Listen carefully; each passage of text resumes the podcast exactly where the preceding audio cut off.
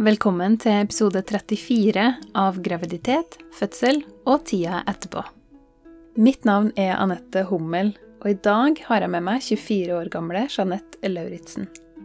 Jeanette bor i Lillestrøm i lag med mann, to enegga tvillinggutter, hund og katt. Hun er utdanna grafisk designer og jobber som optikerassistent. I dag så skal Jeanette fortelle om sin tvillingfødsel.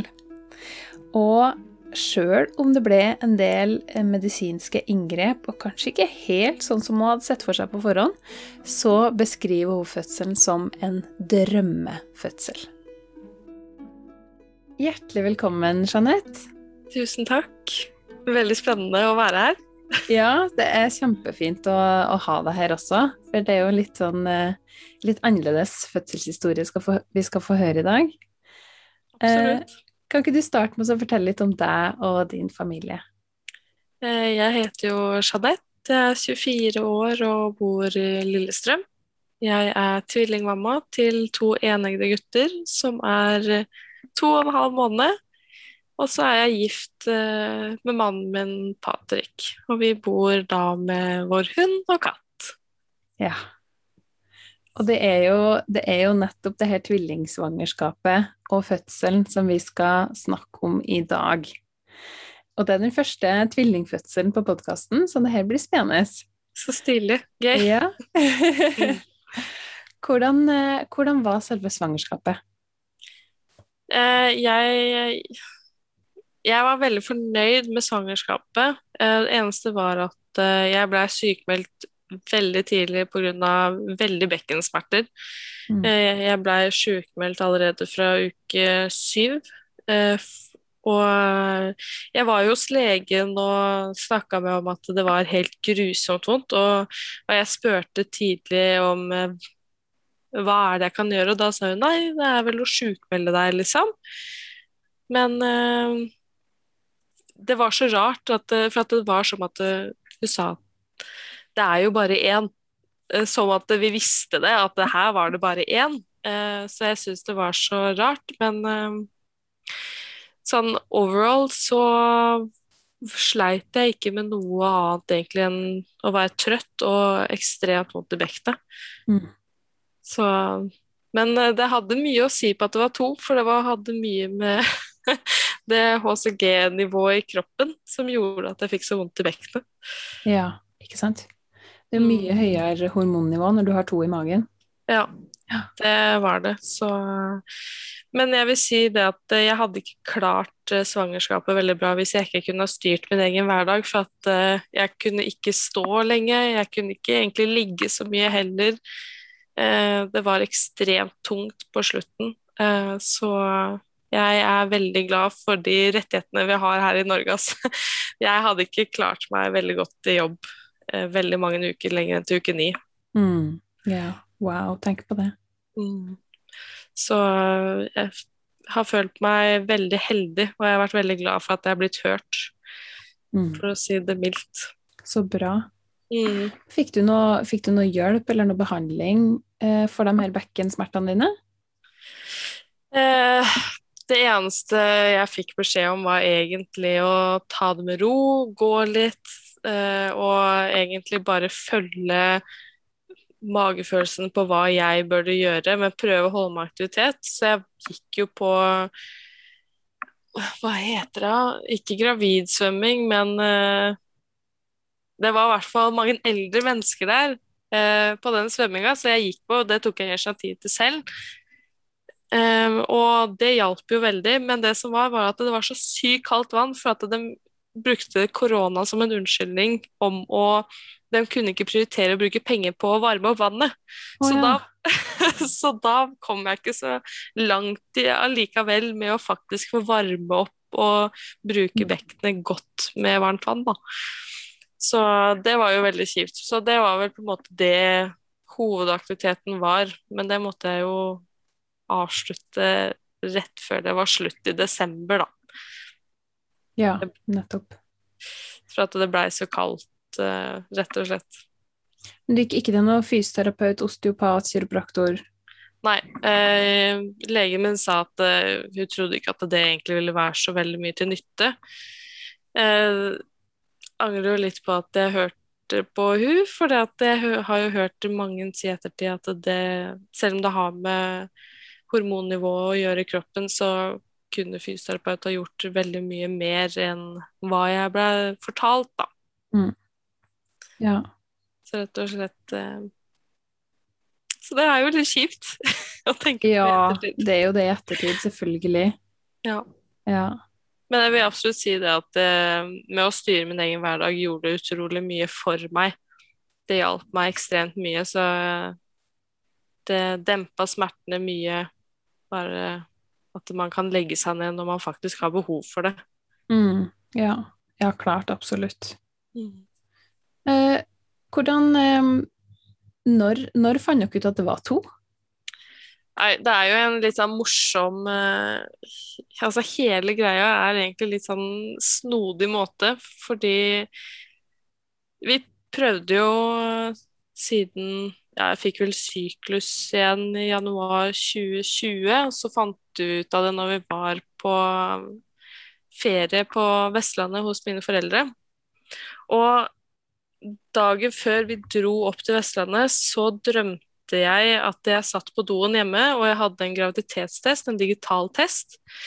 Og det som var så sykt, var at jeg, jeg hadde jo tatt graviditetstester før, men jeg hadde ikke følt på kroppen at jeg var gravid. Eh, Men allikevel så var det en sånn skuffelse hver gang. Mm. Men så tenkte jeg det, ok, nå skal jeg faktisk teste ut denne drømmen. Hva var denne drømmen for noe? Så jeg tok og kjøpte en digital test. Eh, Men jeg undra liksom så på den testen, for det sto bare sang gravid, men det sto ikke uker, og det var jo en ukesindikator. Så jeg tenkte at dette her er jo bare tull. Eh, Men eh, allikevel kjøpte digital test, dro oppover, og så dagen etterpå så satt jeg meg på doen, og så innså jeg Oi, jeg har jo til og med på samme trusa som jeg hadde på i drømmen. Og det, det var jo veldig, veldig snodig, syns jeg da. Eh, og jeg satt jo veldig spent på doen, jeg hadde tatt testen, og så sto det kun gravid. Fordi at den fortsatt drev og loada inn ukene. Eh, og det var jo veldig spesielt. Jeg husker at jeg gikk til Patrick og fortalte dette her, jeg er gravid, men han var jo Han sov jo, ikke sant, så han var åh, liksom, ja. Så løp jeg ned til mamma, og hun bare sånn å ja. Så jeg tenkte ja, jeg må bare lufte huet, så jeg må bare gå ut litt. Eh, Men med en gang jeg fikk fortalt Patrick dette ordentlig, så var det som at det, det var noe vi måtte finne ut av.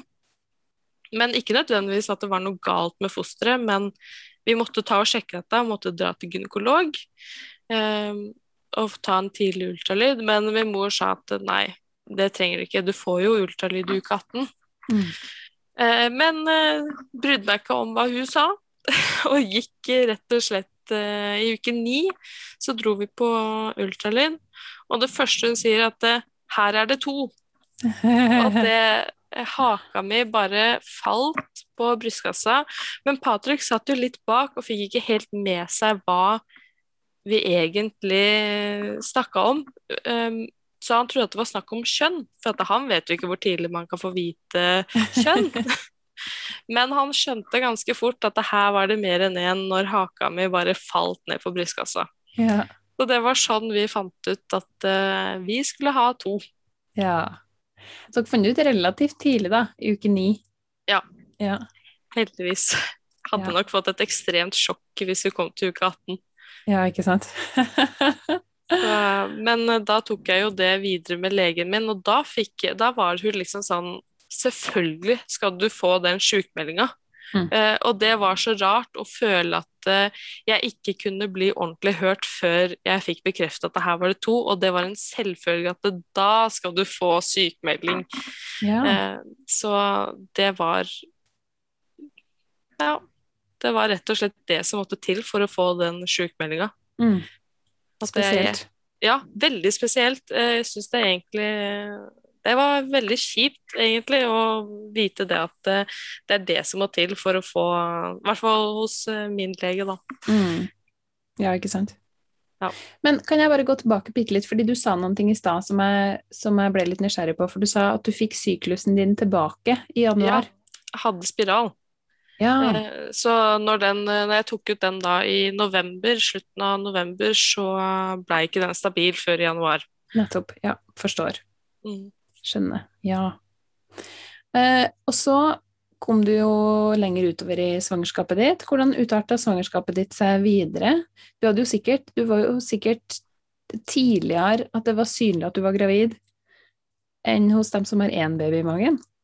Ja, eh, jeg syns magen kom jo eh, fortere enn andre, men jeg syns ikke den blei så stor i starten. Jeg trodde liksom at jeg skulle bare Magen skulle bare slå seg ut med en gang, egentlig. Eh, men eh, Nei, altså jeg sleit jo med egentlig det samme gjennom hele svangerskapet. Bekkenet og at jeg var mye trøtt. Eh, det blei jo bare tyngre og tyngre, og ja, magen kom som Altså, det bare sprengte, føltes det ut som. Rundt uke 20 så følte jeg at det plutselig ble et hopp i magen. Mm. Eh, og når jeg kom i uke 30 igjen, så kom det enda et hopp. At det gikk veldig fort. Eh, men eh, jeg syns jeg, jeg vil si at jeg er evig takknemlig for det svangerskapet jeg hadde, for at det var eh, Jeg tror og vet at dette her var et mye lettere tvillingsvangerskap enn veldig mange har hatt. Mm. For det er jo sykt mange komplikasjoner som kan skje med tvillinger, spesielt eneggede som deler morkake. Så det var jo en risiko fram til Altså det var jo en risiko hele veien, men hun sa at eh, den gylne grensa var i uke 27-28 om at eh, noe som kalles TTTS ikke kom til å oppstå, da. I så fall så kom det til å gå veldig bra. Og TTTS er jo at de overfører blod til hverandre gjennom morkaka, og plutselig så tar den ene opp mer blod enn den andre og overfører ikke tilbake igjen. Mm. Og da fikk vi beskjed om at hvis det skjedde, så måtte vi faktisk til eh, Sverige eller Danmark og få eh, morkaka delt opp. Og da er det veldig stor sjanse for komplikasjoner med barna. Både Wow. hjerneblødninger og mye. Så det var en veldig stor bekymring for meg hele veien. Ja. Og i tillegg fikk jeg ikke ha med Patrick på ultralyd, så vi var på hver andre uke på Ahus, da. Du var på ultralyd annenhver uke. ja Fra uke Alene. 13. Ja. Åh, kjære vene. Ja, så det var ekstremt tungt. Jeg gikk med ja, en klump i magen hele tida når jeg skulle dagen før og samme dagen jeg skulle på ultralyd, så var det som at jeg fikk vondt i magen om at eh, ja, nei, det var helt grusomt. Så jeg, heldigvis så kunne alltid Patrick være med og kjøre meg, så han kunne stå utafor tilfelle det var noe. Mm. Ja. Eh, så nei, jeg er veldig glad for at jeg er ferdig med den bekymringa. ja, det skjønner jeg godt. Så, Ja. Men uh, det var jo akkurat sånn som hun Jeg hadde en fast der jeg gikk til, hun sa at dette her er jo Det var et, liksom et fantastisk svangerskap, at uh, jeg var privilegert som klarte å ha det et så godt tvillingsvangerskap, at det gikk så bra med barna og Ja, de hadde god vekt og Nei, føler meg veldig heldig når det kommer til det, altså. Mm. Så deilig. Absolutt. Kjempefint. Og når du hadde kommet så langt i svangerskapet ditt, hadde du noen tanker rundt fødsel? Jeg var eh, kjemperedd hele veien. Hele veien var jeg kjemperedd for å føde. Eh, jeg tenkte flere ganger hvorfor i alle dager la jeg meg ut på dette her? Jeg har jo nålskrekk, sjukehusskrekk. Kan jo ikke tenke meg å bli skjært i. Altså, å, det høres så grusomt ut. Eh, men keisersnitt det var liksom det verste som kunne skje meg. Eh, og nei, bare å sette veneflon, det var jo Åh, jeg får ennå angst av tanken. Eh, men allikevel så klarte jeg å finne roen eh, når jeg var der, og det var så deilig. Eh, men det jeg syns var ekstremt viktig for meg, var å egentlig ikke forberede meg på fødsel. Så jeg brukte ikke noe tid på å høre om andres eh, tvillingsvangerskap, fødsler. Eneste jeg så, var en sånn ja, det, Jeg brukte kanskje to minutter på pusteteknikker på en YouTube-video. Det var liksom eneste jeg gjorde. Så hørte jeg liksom hva folk tok med seg i fødebagen. Det var det jeg gjorde. For jeg ønska ikke å ha noen forhåpninger, og jeg bare forestilte meg det verste. Rett og slett. Uff. Ja. Så jeg skulle jo sikkert, sikkert ha snakka med noen uh, om det, men jeg, jeg tenkte vel kanskje bare det at det var best å bare la kjøret løpe, liksom. Og det som skjer, det skjer. For jeg kan ikke styre det uansett. Mm. Så Men det hjalp veldig mye når jeg ble lagt inn en gang. Eh, det var vel to uker før jeg ble lagt inn for fødselen, igangsetting, så ble jeg lagt inn pga. høyt blodtrykk. Og bare Jeg tror det var veldig greit for meg sånn egentlig, for da fikk jeg satt veneflon. Jeg fant ut det at det var jo ikke vondt i det hele tatt, for jeg hadde hørt at folk måtte jeg fikk jo tips i hytt og pine om at jeg måtte ta med sånn Embla-plaster, eller hva det heter, sånn bedøvelsekremplaster. Og nei, det var jo så mye mammaforum og alt som er. Men det gikk jo så fint. Det gikk jo så fint å bare være der, sette veneflon, ta de blodprøvene og Så det gikk Jeg tror det besøket hjalp meg veldig mye, da. Mm. Før fødselen. Så bra. Kjempefint. Eh, og så ble du eh, satt opp for igangsetting. Ja. I hvilken uke da? Eh, 36 pluss 2 ble jeg satt i gang. Ok, hva var grunnen til det? Nei, de eh, sa hele veien at eh, de som har eneggede tvillinger eh, med delt morkake, de skal helst ikke gå så mye lenger enn uke 35-37. eh, for at eh, det var noe med at morkaka ikke gir 100% næring fra uke 30. Og det kunne de egentlig se òg, at eh, da hadde de på en måte morkaka nådd toppen av det det kan gi av næring. Og så gikk det på en måte nedover. Selv om gutta gikk opp i vekt, så var det ikke like mye som i uke 30, på en måte, da. For det var det høyeste punktet. Ok. Eh, så var det jo med blodtrykket mitt eh, også at eh, det var greit å sette i gang før det på en måte blei for mye. Og i tillegg så Det er ekstremt tungt med tvillingsvangerskap. Det er også på grunn av Den tar jo også en vurdering på mors psykiske helse og fysiske helse også. Mm. Og barnas, selvfølgelig. Ja, klart. Så så jeg vil absolutt si at det var til eh, rett tidspunkt. For meg, i hvert fall. Og Ja, det føltes greit. absolutt greit å bli ferdig da. Eh, og så når du eh, for inn på sykehuset for å bli satt i gang, eh, måtte du dra inn alene da? Eh, ja, jeg dro inn eh, klokka ti mandagen. 36 pluss 2. Og da jeg, da tok de en undersøkelse, sjekka om jeg skulle ha ballong, eller hva det ble til. Og da sa han det at eh, jeg var moden og hadde 1 cm åpning. Men eh, tvilling 1 var ikke festa i bekkenet, så de ønska ikke å sette ballong. Så jeg skulle få lov til å begynne på modningspiller, og da var det 16 piller jeg kunne ta.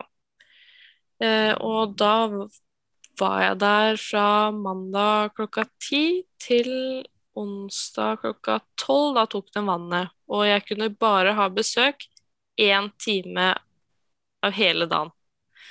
Så når jeg var der på observasjonsposten, så fikk jeg en psykisk knekk, vil jeg rett og slett si.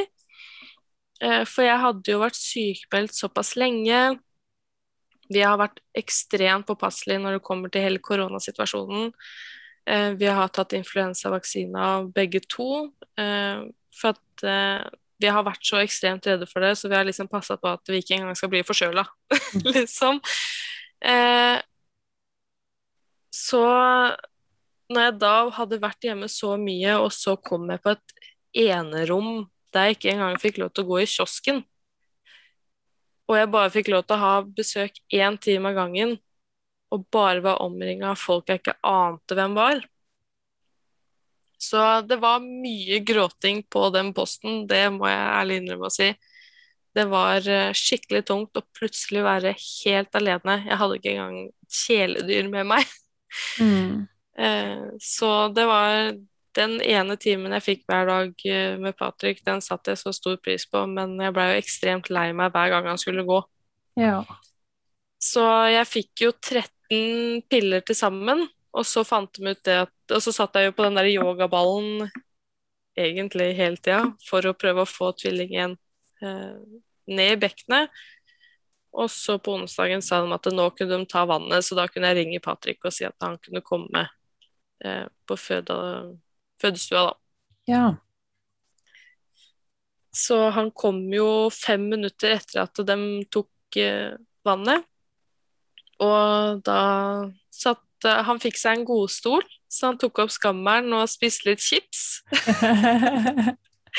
og koste seg der. Og så sitter jeg i en annen eh, stol og slapper av, og så plutselig så kommer første ria eh, etter 45 minutter. Og da husker jeg at jeg fikk skikkelig sånn Jeg bare skrek 'Patrick, nå må du hjelpe meg opp av denne stolen'. For dette her var jo Det kom som et skikkelig sjokk, det der den første ria, og det føltes jeg hadde ikke hatt en eneste kynner gjennom hele svangerskapet, så jeg ante jo ikke om noe så helst form av smerte utenom mensensmerter. Mm. Jeg har jo ikke vært borti en liten sånn her prøvekynner engang. så det, var, det kom bare som en sånn ordentlig sjokk. Eh, så han hjalp meg opp fra stolen, og jeg måtte stå litt i den prekestolen. Eh, så husker jeg veldig godt at jeg spurte om lystgass ganske tidlig, for dette her var jo helt sinnssykt. Men da fikk jeg bare beskjed om at nei, eh, det burde jeg ikke ha helt ennå. Mm. Og det syns jeg jo egentlig var ganske tøft, å egentlig få beskjed om at jeg ikke kan få det jeg følte selv at jeg trengte. Eh, men så hadde jeg jo rier i to og en halv time, og så kom en ny jordmor. Og da fikk jeg lystgass. Men da funka det jo ikke. Lystgass det funka jo ikke på meg i det hele tatt. så det var jo egentlig en liten nedtur, vil jeg påstå. Og jeg var jo fortsatt på samme centimeteren, 3,5 centimeter. Eh, men eh, jeg spurte ganske fort om eh, vi bare kunne sette den epiduralen, da, for at jeg var jeg, Altså, jeg satte aldri noe krav til meg selv når det kom til at jeg ikke skulle ha smertelindring. Jeg var egentlig åpen for det meste, og selv om jeg har nålskrekk, så tenkte jeg det at jeg ser jo i hvert fall ikke den, for at det er jo i ryggen. Mm. Eh, så jeg satt eh, Så sa jo det at ja, vi kunne få til en epidural, da, og fikk legen opp, og han prøvde å sette den fem ganger. Men uh, det gikk ikke. For da Det gikk ikke, nei. Nei, det gikk en og en halv time, satt jeg med kroka rygg og masse rier og Nei. Men uh, det, den bare fikk det ikke til, men det fant vi ut av ganske fort. Etter at jeg la meg ned, så sa jeg at jeg måtte presse, og da hadde jeg jo plutselig 10 cm. Oi. Så det gikk jo ganske fort fra 3,5 cm til 10 cm, så det var jo ikke rart at det var vondt, sa Nei. Så det blei jo rett og slett en fødsel uten smertelindring. Ja. Så det Det er jo ganske sykt å tenke på det når jeg tenker tilbake på det, men uh, hun sa Hun sa det at ja, men du får bare presse. Eh, selv om den epiduralen satt jo i, men ga ingen effekt. Den prøvde å skru opp smertelindringa, men det var ingenting som ga. Men eh, da lå jeg vel og følte at jeg måtte presse i to timer. Så kom eh, Markus ut. Og så er det veldig mange som tror det at tvilling 2 kommer jo med en gang etterpå, for da har du åpna opp, og det er bare å gi det siste presset. Skli ut. Ja, rett og slett. Men sånn var det absolutt ikke, fordi at uh, det som skal sies med tvillingfødsler, er jo at eh, det er veldig mange i rommet, og alle har hver sin oppgave. Så på det meste så var vi tolv stykker, har bare helsepersonell inn på rommet, og det var ikke noe studenter, ingenting. Eh, men det som skjedde da, var at det var, var vel tre stykker som tok seg av Markus. Uh, og jeg mista rier rett etter at Markus var ute. Så, så du fikk han ikke opp på brystet? Nei, ikke med en gang. Uh, da skulle de sjekke og se at alt var fint og sånne ting. Men jeg fikk faktisk kjenne på hodet hans da når uh, han sto i åpningen. Det ja. syns jeg var litt kult. Men Så da var det viktig at uh, en jordmor tok tak på magen min og prøvde å føre Mason ned, ned så at han blei festa, på en måte, da. Mm, med hodet først. Yes. For, at for han hadde god plass, vet du, plutselig. Ja, eh, så det var veldig viktig at han ikke plutselig ble liggende sidelengs eller plutselig snur seg, for det, det, må jo være helt fantastisk å få så god plass. så da måtte hun holde han ganske hardt, egentlig, på magen. Eh, altså meg på magen. Eh, og de måtte skru opp riedryppet ganske mye, for det hadde jeg jo. Jeg hadde jo riedrypp Mm. Og, um, men så stanga han jo i tillegg. Han kom ikke ned i åpningen med det første, og han stanga. Og jeg husker at jeg pressa og pressa for hver eneste rie som kom, men det var ingenting som skjedde. Men så kom hun ene jordmoren på en fantastisk idé som gjorde at jeg slapp å ende opp med å bli ja, med vakuum, da. At Mason ble tatt med vakuum. Og det var det at hun tok et laken så begynte hun liksom en knute på hver sin side av lakenet, hver sin ende, og så hadde vi dragkamp. Ja. Så det var faktisk det som skulle til. Eh, at Mason kom ut. Det var rett og slett en dragkamp med ene jordmora. Det var lurt. Det var veldig lurt, og i tillegg så var det hun som skulle ta imot Mason, hun hadde begge hendene sine inn og løfta hele symfysen. Eh, så det, det var jo ikke veldig deilig, det heller. det er jo ingenting så deilig med en fødsel, tror jeg. Så hun, hun putta begge sine hender opp i skjeden din? Ja, eh, ja. rett ved åpningen, og løfta opp. Eh, ja. Så at det ble mer plass, liksom, da. Wow. Så eh, da kom vel Mason ut ca. 1 time og 21 minutter etterpå. Ja. Så det det tok wow. litt tid, eh, mye lengre tid enn det jeg hadde trodd det skulle gå imellom dem. Mm. Ja. Men, men, veldig glad for at begge to lå hode-hode. Ja, klart, selvfølgelig. Men hadde du i løpet, av, i løpet av den timen og 20 minutter, var det du sa? Ja. Hadde du i løpet av den tida fått, uh, fått hilst ordentlig på Markus? Ja, uh, jeg, jeg lå jo der med ganske mye adrenalin uh, og nesten smårista litt. Men eh, det tok vel Jeg eide jo ikke tidsperspektiv når jeg lå der, men det tok ikke så lang tid, så kom jo eh, Markus på brystet mitt. Mm, og da sa han det at det var viktig at jeg lukta på han, for at da ville det øke riene igjen. Ja, kjempebra. Eh, men jeg var jeg var liksom et helt annet sted, så jeg klarte ikke å nyte egentlig at han lå der. Hadde egentlig ingen mening, formening om at han lå der. Mm. Men jeg hørte på dem at jeg måtte lukte på den, da.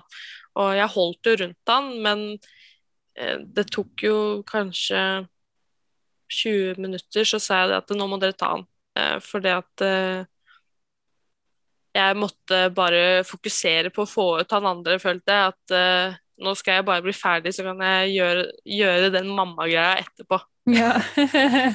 så kan Patrick heller se på Markus og ta vare på han imens, liksom, da. Ja.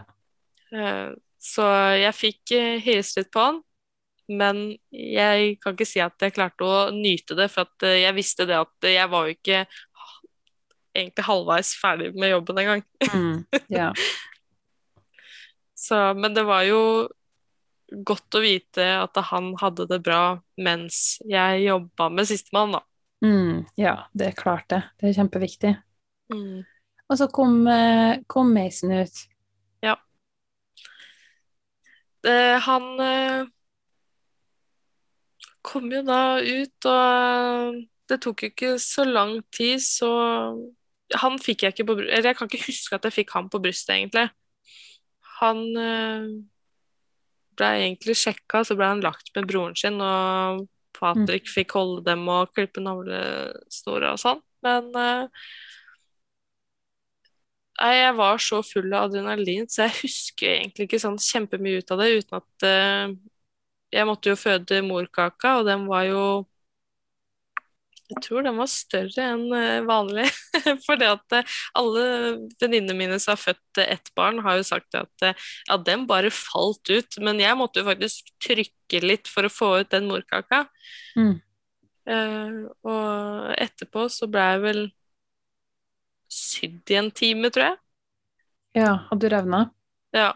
Jeg fikk vel en andregrads uh, Ja, vet Rift. ikke helt hva det ja. Ja. Men jeg har ikke hatt noe problemer med noe som helst. Uh, har ikke hatt vondt av å Altså, når jeg tissa en gang, har det ikke vært vondt å tisse. Så det Jeg trodde egentlig at hun tulla, jeg, når hun sa at eh, hun hadde sydd meg en time. For å oh, ja. være helt ærlig. For du merka ikke det? Nei, absolutt ikke. Um, jeg trodde at jeg bare lå der egentlig og slappa av, venta til jeg skulle ja, kvinne meg opp litt til å ut og gå Yeah. i tre-fire meter for å flytte meg over til neste seng, liksom. Eh, Men uh, hun jordmora kom opp dagen etterpå på barsel, for vi var på barsel og ikke barselhotellet. Og da sa hun det, uh, at nei da, du ble sydd i en time. ja. Vet du hvor mange sting du hadde? Nei, uh, jeg fikk ikke vite det, faktisk. Det ble vel sikkert så mange at, at det ikke telte. Men nei, jeg har ikke huska å ha fått noe info om det. Nei. Men det er jo kjempefint at du ikke har hatt noen plager av det i ettertid, da. Ja. Det vil jeg absolutt uh, si. Ja. Eh, Det er, det er jo veldig vanlig å ha noen rifter etter fødsel, og som regel, altså Veldig, veldig mange har ikke noe plage av det i det hele tatt. Nei. Så det er kjempe, kjempefint. For det er jo en sånn ting som veldig mange kvinner på forhånd tenker liksom Å nei, tenk om jeg revner. Ja, Det har jeg hørt mange uh, får litt sånn angst av. At Ja. de er ordentlig redd for å revne. Mm. Men eh, nei, det gikk utrolig bra. Ja, Så bra. Og hvordan var tida da på barsel? På barsel så fikk vi i hvert fall lov til å ha tre timer med besøk av Patrick, da. Ja. Så det var jo absolutt en eh, forbedring i forhold til observasjonsposten. Eh, men jeg fikk avlastning på natta, for det var ikke så mye å gjøre der.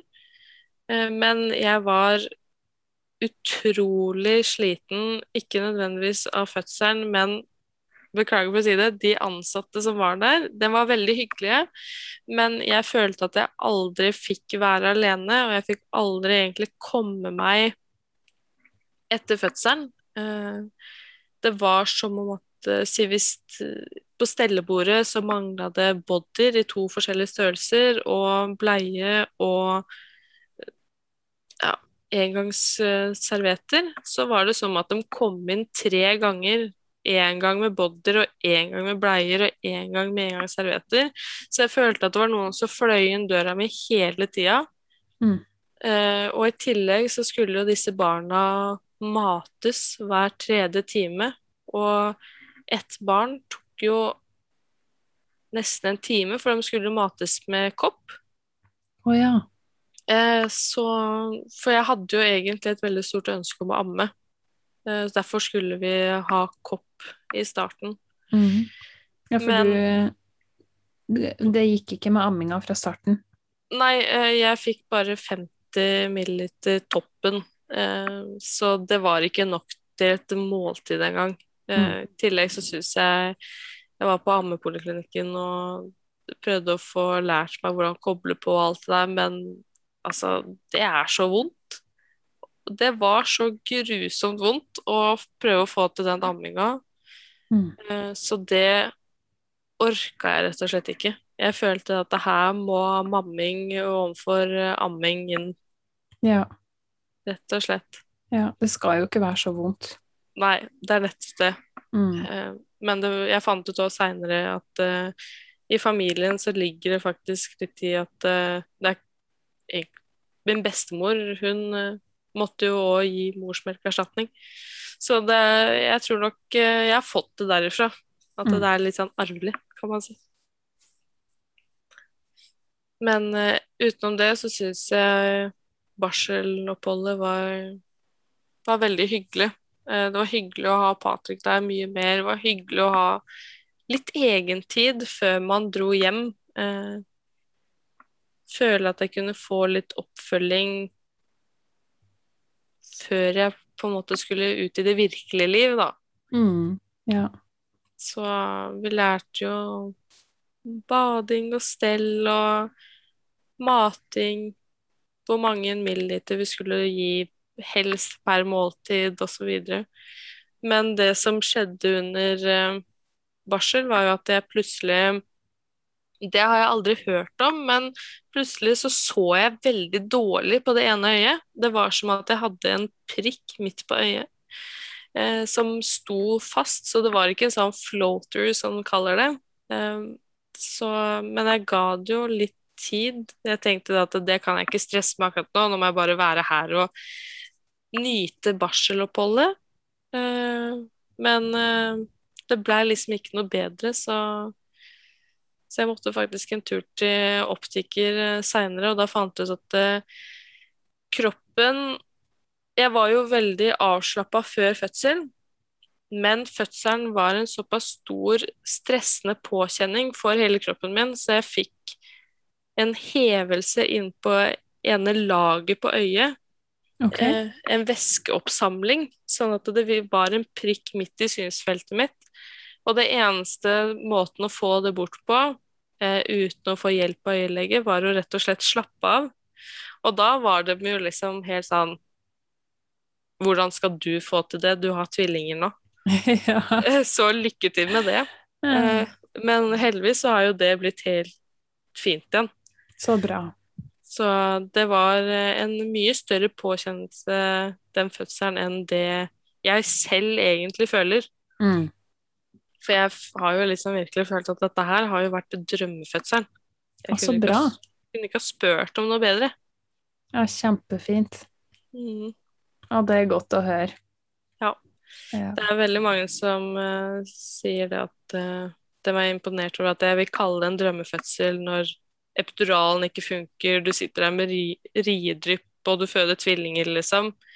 Eh, men jeg tror jeg vil si at jeg er veldig glad for at jeg ikke vet om noe annet enn å føde under korona, være alene og ikke få til den smertelindringa. For jeg tror nok eh, det hadde vært verre hvis det hadde vært eh, Hvis jeg på en måte kunne holdt Patrick i hånda hele veien eh, inn på sykehuset, og så smertelindring som funka før, og nå så fikk jeg ikke være med han hele tida, Mm. pluss smertelindring ikke funka. Så jeg vil absolutt si at eh, det har gått ekstremt bra i forhold til hva jeg trodde det skulle være. Ja, så bra. Kjempefint. Det er jo som regel sånn at man Hvordan man ser tilbake på fødselen sin, har gjerne lite å gjøre med, med akkurat hva som skjedde, men det har mye å gjøre med hvordan man blir møtt. Ja. Mm. Det er sant. Ja. Nei, jeg har følt at jeg har hatt eh, god oppfølging, og selvfølgelig, det var jo noen personer på sykehuset som jeg liksom kunne vært foruten, men den store helheten syns jeg absolutt teller eh, mest. Kjempebra. Kjempefint. Hvor mange, hvor mange dager var dere på sykehuset etter fødselen? Eh, Etter fødsel så var det vel to og en halv dag. Da spurte jeg selv om å dra hjem. Eh, Jeg sa at eh, nå ønsker jeg å dra hjem. Eh, Jeg føler ikke at jeg trenger mer opplæring, på en måte. Jeg følte at mammainstinktet tok over ganske så bra, og ja, følte meg egentlig veldig klar til å komme hjem. Få rutiner, ikke skaffe meg for gode rutiner inn på sykehuset, for det er ikke sånn det er hjemme. Mm. Eh, Så jeg ville egentlig fort hjem. Jeg var veldig opplagt kvikk. eh, sleit ikke med ryggen etter å ha blitt stikket fem ganger med epidural og Jeg gikk bare litt krokrygga, liksom. Det var det, og jeg mista vel Ja, det var vel over en liter med blod. Eh, så det var bare det at jeg trengte noen jerntabletter, så var jeg good to go. Ja. Eh, Så den var veldig imponert over det. Så jeg følte liksom det at siden de ga meg så god feedback da, på både formen min og at unga hadde det bra, så ville vi hjem. Eh, Men det første Det jeg glemte å si nå, det var jo at det første dagen vi var på barsel, så var vi jo hos eh, barnelegen. Mm. Og da var det to studenter der, og det var jo helt i orden, det. Og de sjekka jo og ordna, og alt så jo bra ut helt til han eh, barnelegen plutselig sier 'hør på det her'. Og da hørte de på hjertet til Markus, tvilling 1. Og studentene lette og lette etter lyden, men de fant den ikke.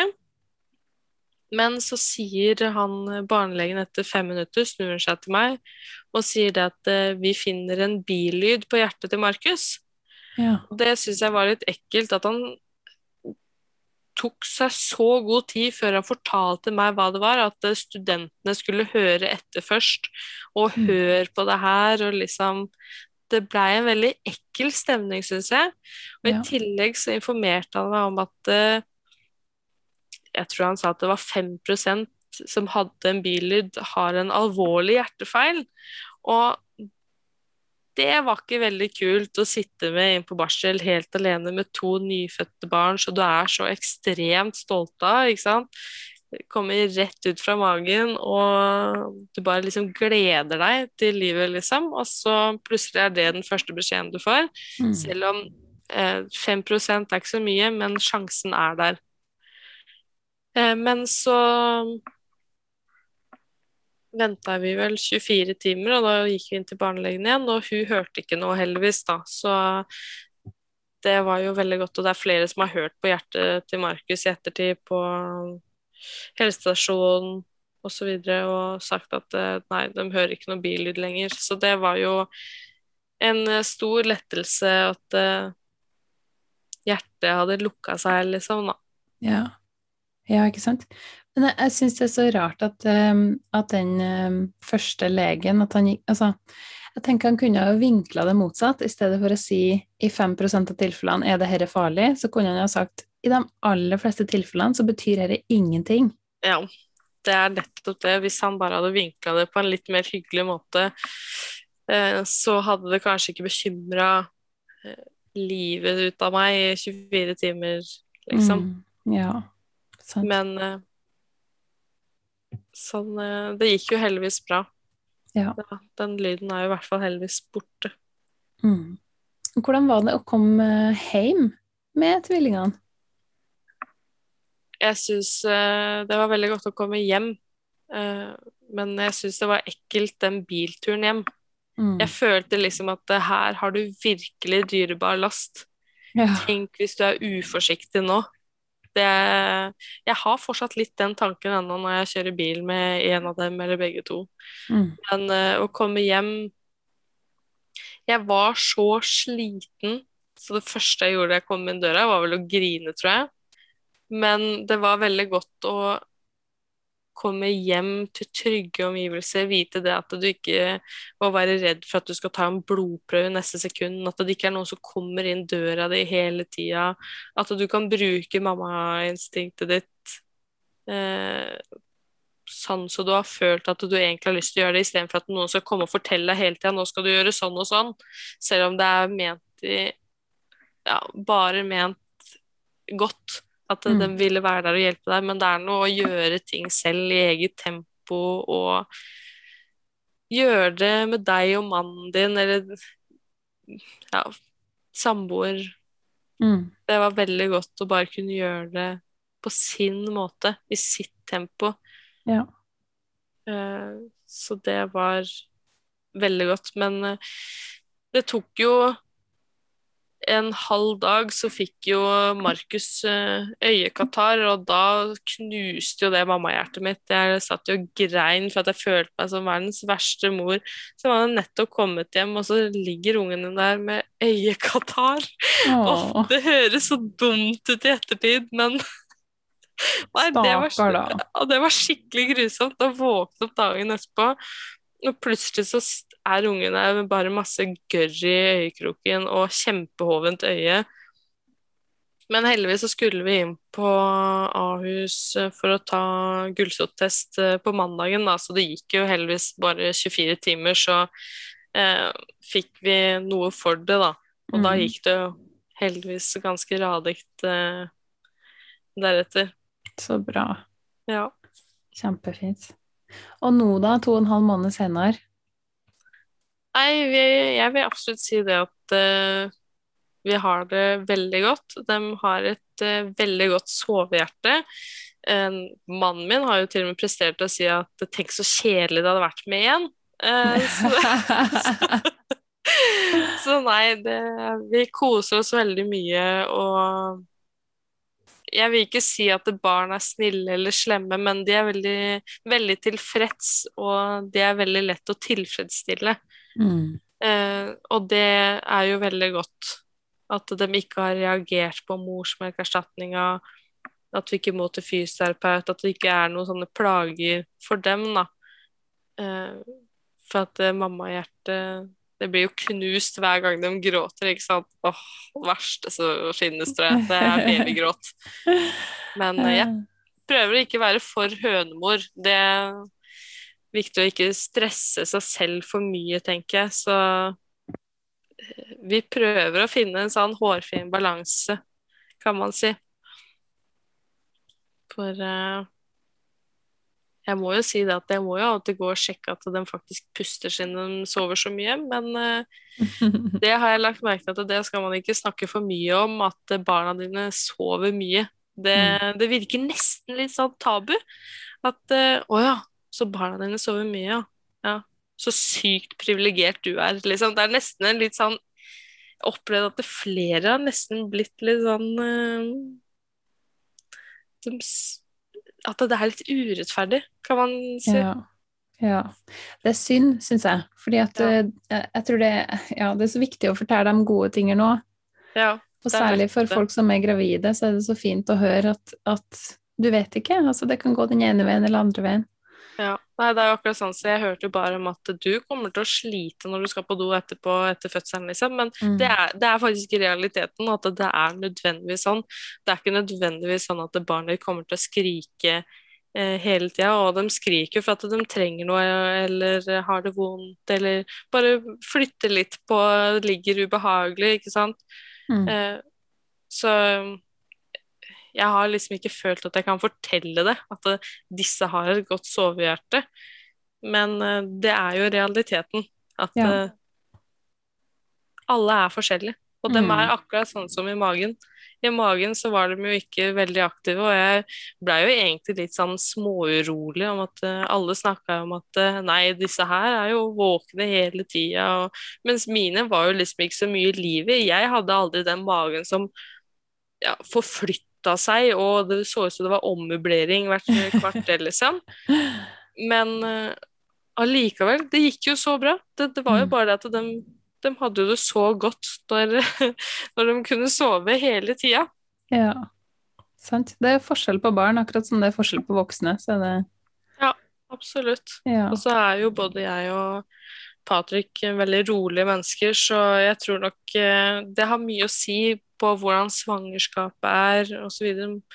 Mm. Sånn som de sier at det har vært eh, færre spontanaborter og premature fødsler, mest sannsynlig pga. korona, for at folk har vært mer hjemme. Eh, Så jeg tror nok det har mye å si at hvis du er avslappa i svangerskapet, så tror jeg det påvirker barna. Mm, det kan godt hende. Det, Til en viss grad, i hvert fall. ja, Mm. jeg tror absolutt det. Ja. Så fint. Mm. Har du noen eh, ressurser som du har lyst til å anbefale til gravide eller småbarnsforeldre?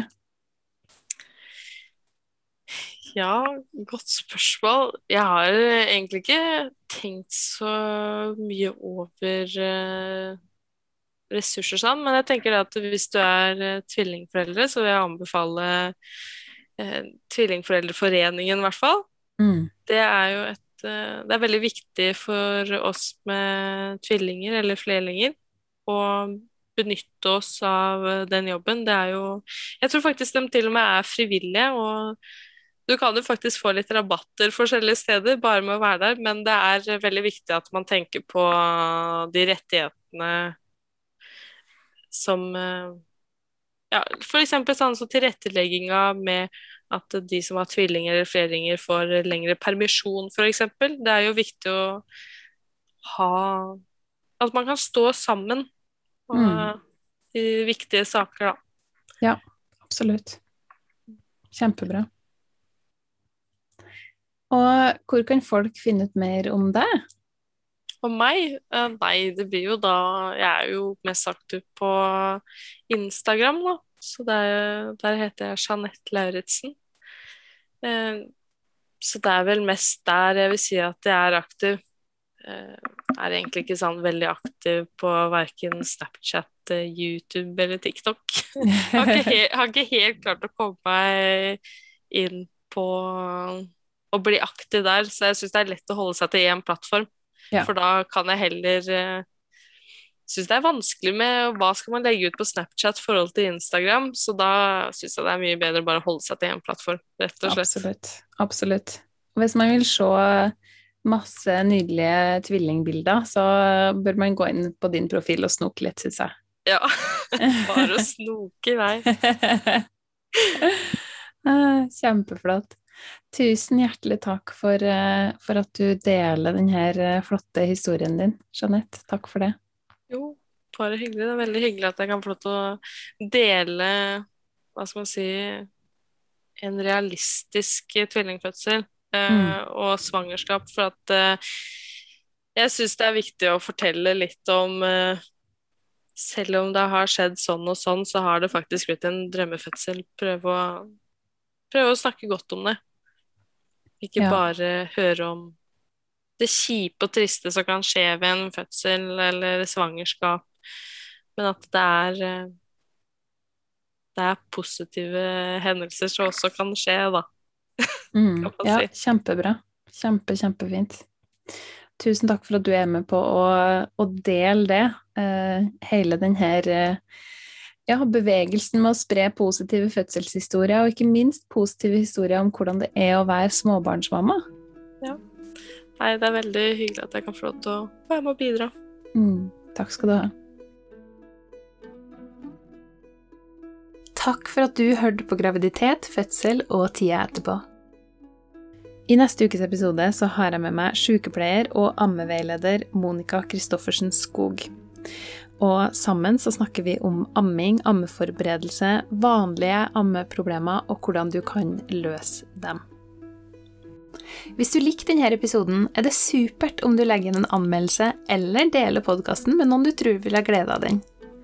Ikke glem å abonnere, så får du beskjed når det kommer nye episoder. I tilfelle det var noen tvil, så vil jeg også nevne at jeg ikke er verken lege eller jordmor. Temaene som tas opp på denne podkasten, er kun ment som generell informasjon, ikke som råd eller oppfordring til handling.